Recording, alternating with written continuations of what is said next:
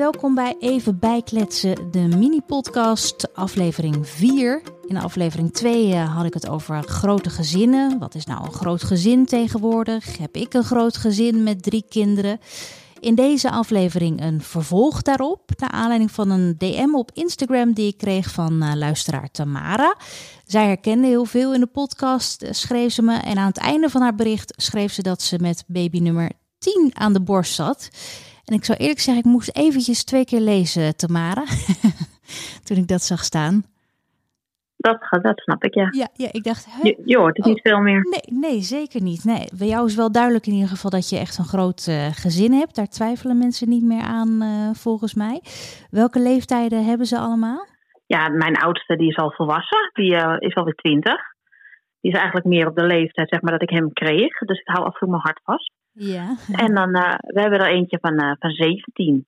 Die wordt bijna 18. Eentje van eh 14, een van 13. We hebben er eentje van eh, 8, een van 7. Eentje van gisteren 6 geworden. We hebben er eentje van 4, een van 3. En dan moet ik zelf heel even nadenken. Ossie is 18 maanden. En eentje van nou, nu 10 weken. Zo. Oh, die is nog echt super, super jong dus. Ja, ook, die is echt nog heel klein. Ja. Ja, ja. Nou, Maar nu noem ik natuurlijk een aantal op. En jij zegt natuurlijk tien. Maar in principe hebben we er elf. Alleen eh, mijn man, zijn zoon, die woont niet bij ons. Oké, dus een eh, deels eh, samengesteld gezin Ja, ja, ja. Jouw eerste die kreeg je dus toen je twintig was, zei je dus eigenlijk al. Ja, ik zat op het randje. Ik was uh, 19 en ik werd daar vlak daarna, werd ik eh, 20. Was het altijd al een wens van je om zo'n groot gezin te hebben ooit? Nou, nee, eigenlijk niet. Want ik, ehm, en ik denk ook dat ik zo jong moeder ben geworden, omdat het eigenlijk gebeurde dat ik al eerder in verwachting was geweest. Eh, alleen is eh, ja, die zwangerschap is met 13 weken is, eh, helemaal misgegaan. Mhm. Maar daardoor bleef wel ja, dat gevoel hangen. En eh, ben er uiteindelijk, dat ik dan ja, dus 19 was, heb ik toch eh, ja, een zoon gekregen, bewust. Dus het is geen ongelukje geweest eh, op Nee. mijn 19e. En, en daarvoor, w- die eerste keer eh, die niet, wat, wat niet goed ging, was je toen nog een stuk jonger dan ook? Ja, ik was eh 17, 17,5 denk ik ongeveer, Wel, dat dat toen misging. ja, ja. Dus dat was wel heel jong. En, eh, eh, ja, maar ja, goed, het was niet, eh, niet minder welkom. Ehm, m- en als je dan eindelijk eigenlijk aan dat idee gewend bent en het wordt geaccepteerd door iedereen en het gaat dan alsnog fout, is dat natuurlijk eh, ja, heel naar. Ook als je 17 ben. Hè? Dat, eh, ja. Het is niet ineens dat je een, een gat in de lucht springt en dat je denkt van nou, gelukkig, het eh, gaat allemaal niet door. Nee, Zo werkt nee. dat natuurlijk niet. Nee, en dat heeft gewoon voor jou het gevoel aangewakkerd van, nou, ik wil wel echt moeder worden. En, eh, en dat voelde dus op, Ja, op je negentiende eigenlijk En dat, heb, dat ja, gevoel heb ik altijd wel gehad hoor. Dat heb ik altijd wel gehad. Alleen niet, ja, niet zozeer op mijn 17 natuurlijk. Maar ja, dat, dat, ja, dat gebeurde. Ja. En gewoon, ja, noem het onoplettendheid, noem het ja, je, je jeugdspontaniteit. En we hebben niet goed opgelet en eh, dat is gebeurd. Ja, Dus ja. Ah, maar daardoor is dan mijn oudste zoon er al zo vroeg. En Ja. daar ben ik wel gewoon heel erg blij mee. Wat is het dan bij jullie geweest eh, dat, dat je op een gegeven moment wel dacht van, nou, we gaan voor nog eentje. Wat, eh, ja, want op een gegeven Ja, moment besluit nou ja, weet je. Ja, nou, we, zeiden eigenlijk vanaf, ik denk, ja, vanaf, vanaf Rocky, de, onze zesde, zeg maar, zeiden we van nou, we gaan nu wel stoppen. Weet je? Maar eh, het liep gewoon. Het liep gewoon lekker en alles ging gewoon lekker door. En eh, het, het was niet zo, en het klinkt misschien heel gek, alsof een erbij heel veel extra moeite zou kosten. En, en heel veel mensen denken dat wel. Hè? Heel veel kinderen is heel veel werk. En natuurlijk is dat heel veel werk. Maar het is niet zo dat je wakker wordt 's ochtends en je hebt ineens tien kinderen. Nee, nee. Weet je, dus het is wel iets waar je in groeit en waar je je handelingen naar doet en waar je eh, ja, eigenlijk al rekening mee houdt. Het gaat in je systeem zitten. Dus je, het, ik denk niet dat het voor mij heel veel zwaarder is als bijvoorbeeld iemand met drie kinderen, want die heeft het misschien gewoon net zo zwaar. Ja, en Omdat je, hebt er gewoon in, de- in mee gaat groeien. Precies, en je hebt natuurlijk ook de ervaring eh, die, je- bedoel, bij elke baby g- groei Ook je weer als, eh, als ouder Ja. en, eh, en leer Je je, bent veel minder onzeker. Ja. Ja, Bij ja. mijn eerste dacht ik echt bij elke ja, ademtopje of elke keer als hij moest spugen zo raakte ik lichtelijk in paniek. En nu heb ik zoiets van, nou gaat het goed? Even kijken. Nou ja, weer, hij brabbelt weer, eh, niks aan de hand. Het, het, gaat, het gaat gewoon goed. En je maakt, ja, net wat je zegt, een, ehm, je, je wordt gewoon zekerder. Je bent niet meer zo snel bang. Je, je kent alle eerste geluidjes wel. Je kent, al, ja, je kent gewoon een hele hoop al wel. Ja, ja. Dus ik ben heel relaxed. Hè? En als ik in de speeltuin zit met die kinderen en de valt er een en begint te brullen, ja, dan zeggen ze ook wel eens tegen mij: je zit hier zo, je zit hier met zes kinderen en je, je zit hier gewoon lekker rustig. En ik loop maar achter die van mij aan. En dan denk ik, ja, maar ja, dat doe je ook al een beetje zelf. Ja, Als je toch elke keer moet gaan opstaan omdat er eentje begint te, te huilen omdat hij gevallen is. Ja, zolang ze geluid maken, gaat het goed. Ja, ja precies. Ja, en, dan, en het is eh, natuurlijk ook een beetje noodzaak. Want op een gegeven moment natuurlijk als je zoveel kinderen om je heen hebt Ja, dan- lopen... dan eh, moet je de aandacht natuurlijk ook verdelen over allemaal. Eh, en Ook is, dat, ja. Toch ook een, een oog in je achterhoofd hebben op een gegeven moment. Want wat betekent het in de praktijk? Want je zegt van nou, het is, het is voor ons eigenlijk, vind ik, niet zwaarder dan voor, eh, voor anderen. Er zullen waarschijnlijk een hoop mensen zijn die, die zich dat niet kunnen voorstellen. Maar eh, ik denk dat in de, in de praktijk eh, ja, jullie leven er toch wel wat anders uit zal zien als je met zoveel mensen in een huishouden zijn, woont. ja, vooral praktisch inderdaad. Hè. Of met vakantie. Of wij, hebben, wij hebben nooit genoeg aan één staakerven. Dat past niet. Nee. Dat gaat meestal tot zes personen. Als je geluk hebt, acht. Maar daar passen we er nog steeds niet in. Dus weet je, het zijn vaak, vaak gewoon ja, echt praktische dingen waar je heel veel rekening mee moet houden. En ook, ja, natuurlijk ook in huis. Ik heb hier een slaapkamer, er slapen vier jongens bij elkaar. Ja, ja, precies. Want Ja, en dan wordt, dus- je- wordt het gewoon je- ja, je iets minder gezellig, die kamer. Maar ja, je hebt wel twee stapelbedden staan gewoon. Ja, ja, ja. Want dat, dat moet. Hoe ervaren die kinderen dat zelf om, eh, eh, ja, om eh, in zo'n ja, druk huishouden, want dat zal het ongetwijfeld zijn, te wonen? Want ze zien natuurlijk bij Ja, vriendjes en zo op school weer enorm andere. anders. Ja, weet je, en het verschilt ook echt enorm. Want als je de, de jongste kinderen vraagt, dan vinden ze het allemaal geweldig leuk. En ja, dan zit het ook in geur en kleur te vertellen als een vriendje komen spelen, weet je wel. Maar als je dan de pubers ernaar vraagt, ja, dan wordt het wel een ander dingetje hoor. Ja, ja. Maar ja, weet je, die vertrekken dan vanuit school toch wel even gauw naar een kamer. Of eventjes de rust opzoeken. En eh, ja, die vinden dat dan soms wel even wat lastiger. Maar ja, weet je, dan hoor ik van vriendinnen van mij van... Oh, maar ja, ik heb er drie. Maar mijn pubers vliegen ook naar hun kamer hoor. Als ze thuiskomen uit school. Dan leggen ze ook op hun bed. En dan denk ik, oh...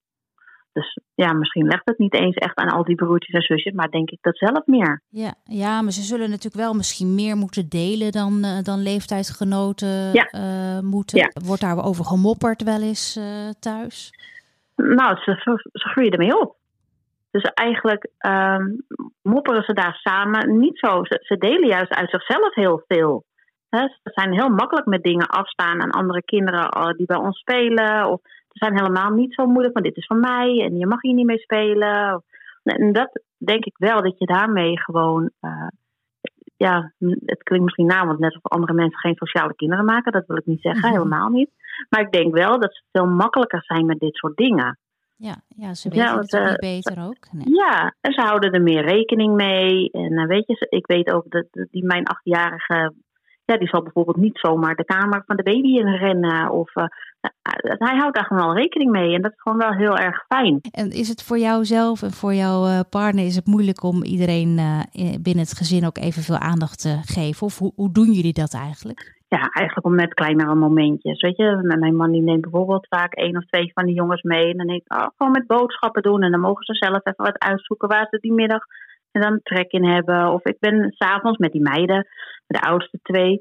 Ja, dan ben ik gewoon eh, lekker op de bank, gaan we een filmpje kijken. Pak er lekker wat popcorn bij. Weet je, het zijn gewoon echt de momenten die op dat moment spontaan.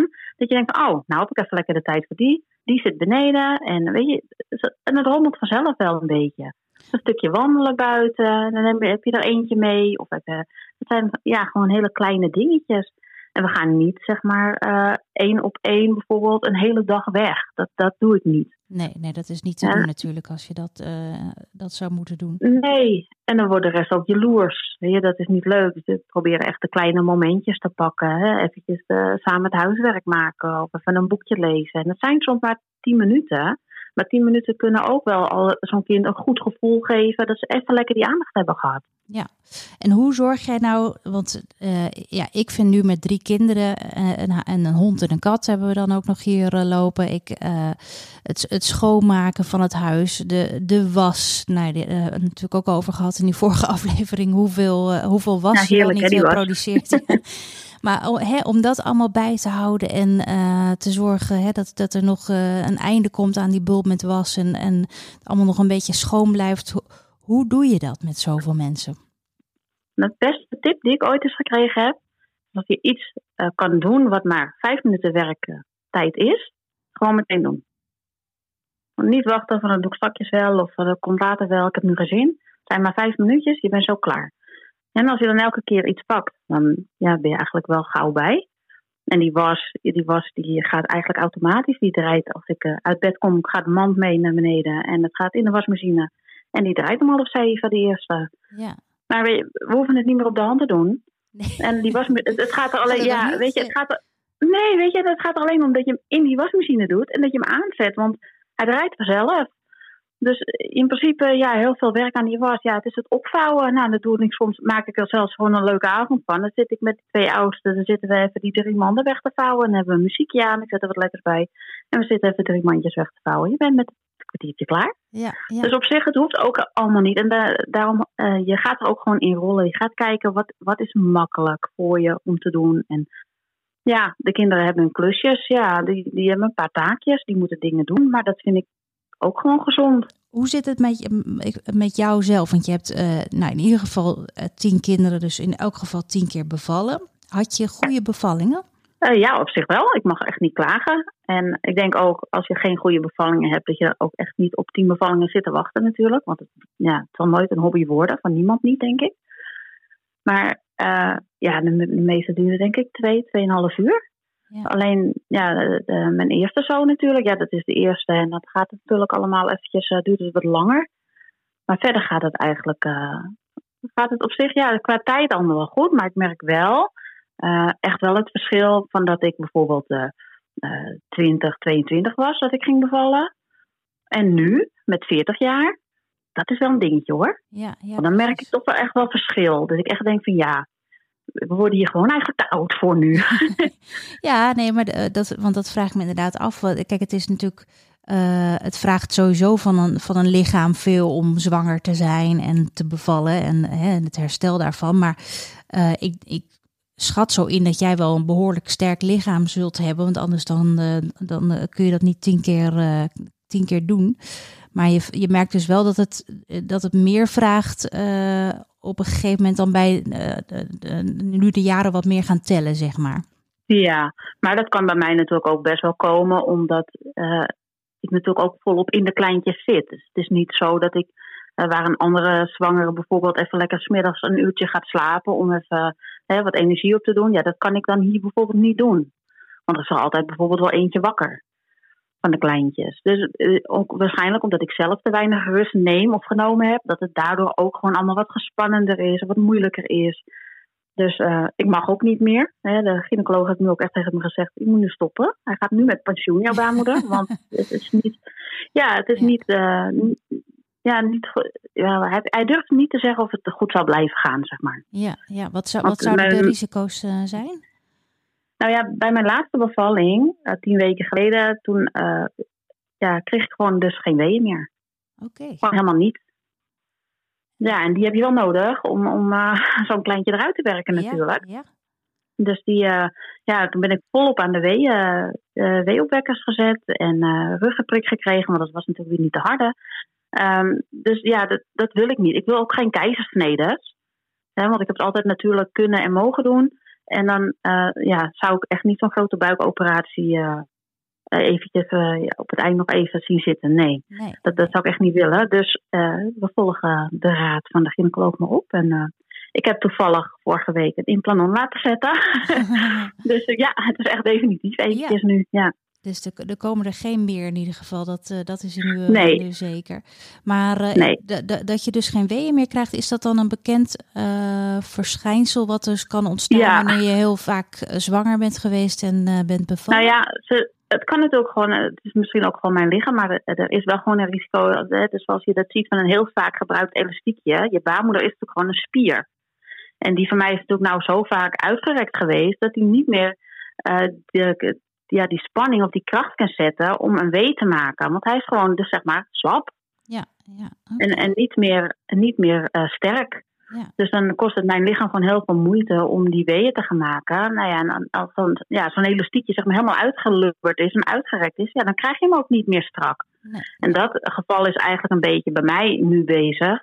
Dat, uh, ja, daardoor zegt hij eigenlijk van ja, weet je, je kan uh, prima nog zwanger worden, je kan prima nog een baby dragen, maar bevallen, ja, dat wordt dan wel gewoon op een normale manier toch wel een dingetje nu. Ja, ja dat snap ik. En uh, hoe ben je daar zelf onder? Voelt dat uh, ook als een voelt het ook goed om, om er in die zin een punt achter te zetten? Ik heb er vrede mee. Ja, ik heb er zeker vrede mee. Dat, weet je, ik heb tien prachtig gezonde kinderen zelf op de wereld mogen zetten. en ik heb een bonuszoon, weet je, die, die, is, ja, die is altijd welkom. Um, wat willen we nog meer? En die oudste van jullie, die woont ook nog gezellig thuis dus? Nee. Nee, oh, die is wel uh, uit huis. Uh... Ja, die woont in Haarlem. Uh, ja, met een heel leuk stel jongens. En boven zijn werk, dus ideaal. En uh, sinds afgelopen december is een vriendin erbij komen inwonen. Dus eigenlijk woont mijn oudste gewoon al samen. Oh, maar dat lijkt me ook gek. Dat je dan aan de ene kant nog zo'n uh, zo'n babytje hebt, zo'n pasgeboren ja. babytje. En aan de andere kant dus al uh, afscheid hebt moeten nemen van, van de oudste. Ja, dat is heel raar. Ja. ja. het geeft ook wel een heel erg trots gevoel. Weet je, dat hij hier toen was, een dag na de geboorte van die kleine. Uh, toen had ik zo ook met z'n tweeën op echt ja, weet je, van een ander is het misschien helemaal niet zo bijzonder, maar het is voor mij echt een van de mooiste foto's die ik gemaakt heb in, in mijn hele kraamtijd. Dat was mijn oudste en mijn jongste bij elkaar. Nou, het, was, het is gewoon echt een plaatje.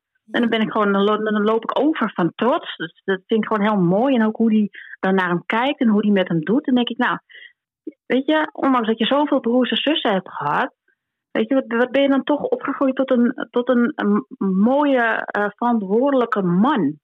Weet je, en dan, dan denk je toch echt wel echt van ja, toch goed, toch goed gegaan, weet je? Zeker. Je, het altijd twijfelen, omdat mensen altijd zeggen van ja, je geeft je kinderen niet genoeg aandacht en uh, het is allemaal te veel. En uh, ja, het is niet meer van deze tijd, hoor je vaak. En dan, naar die ouders denk ik, ja, ik heb het prima gedaan met jou. Nou, mooi.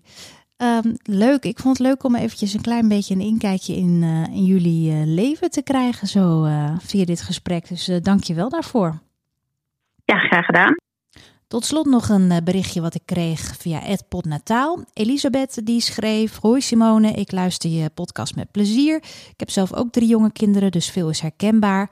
Bij de laatste podcast zei je: Maar wat nog erger is dan buikgriep is. Puntje, puntje, puntje. Ik zei toen trouwens uh, dat het nog erger was: uh, vijf met z'n vijven buikgriep. En toen schreef zij: En toen dacht ik dat je oorontsteking zou zeggen. Want dat snijdt echt door mijn ziel als kindjes zoveel pijn hebben. Uh, ja, dat had inderdaad ook gekund. Uh, dat is ook echt super, super zielig. Uh, maar ik moet eerlijk zeggen dat wij hier thuis eigenlijk weinig oorontstekingen hebben meegemaakt. Ik weet dat dat iets is wat heel veel voorkomt bij met name jonge kinderen.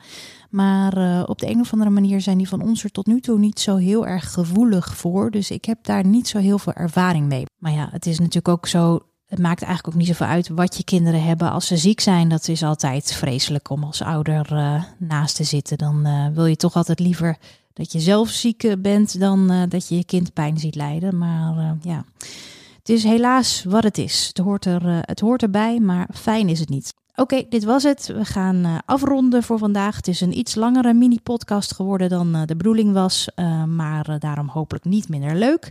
Als je ook een reactie hebt, stuur hem dan naar potnataal, eventjes in de DM en dan probeer ik daar zo snel mogelijk op te reageren. En je kan natuurlijk Potnataal een review geven op iTunes. Een 5 sterren is het het fijnst. En delen met mensen van wie je denkt dat ze er ook wat aan kunnen hebben. Je kan mij ook nog volgen trouwens op mijn eigen account. Dat is Simone Wijnands underscore en natuurlijk het Potnataal account. Oké, dankjewel en tot de volgende.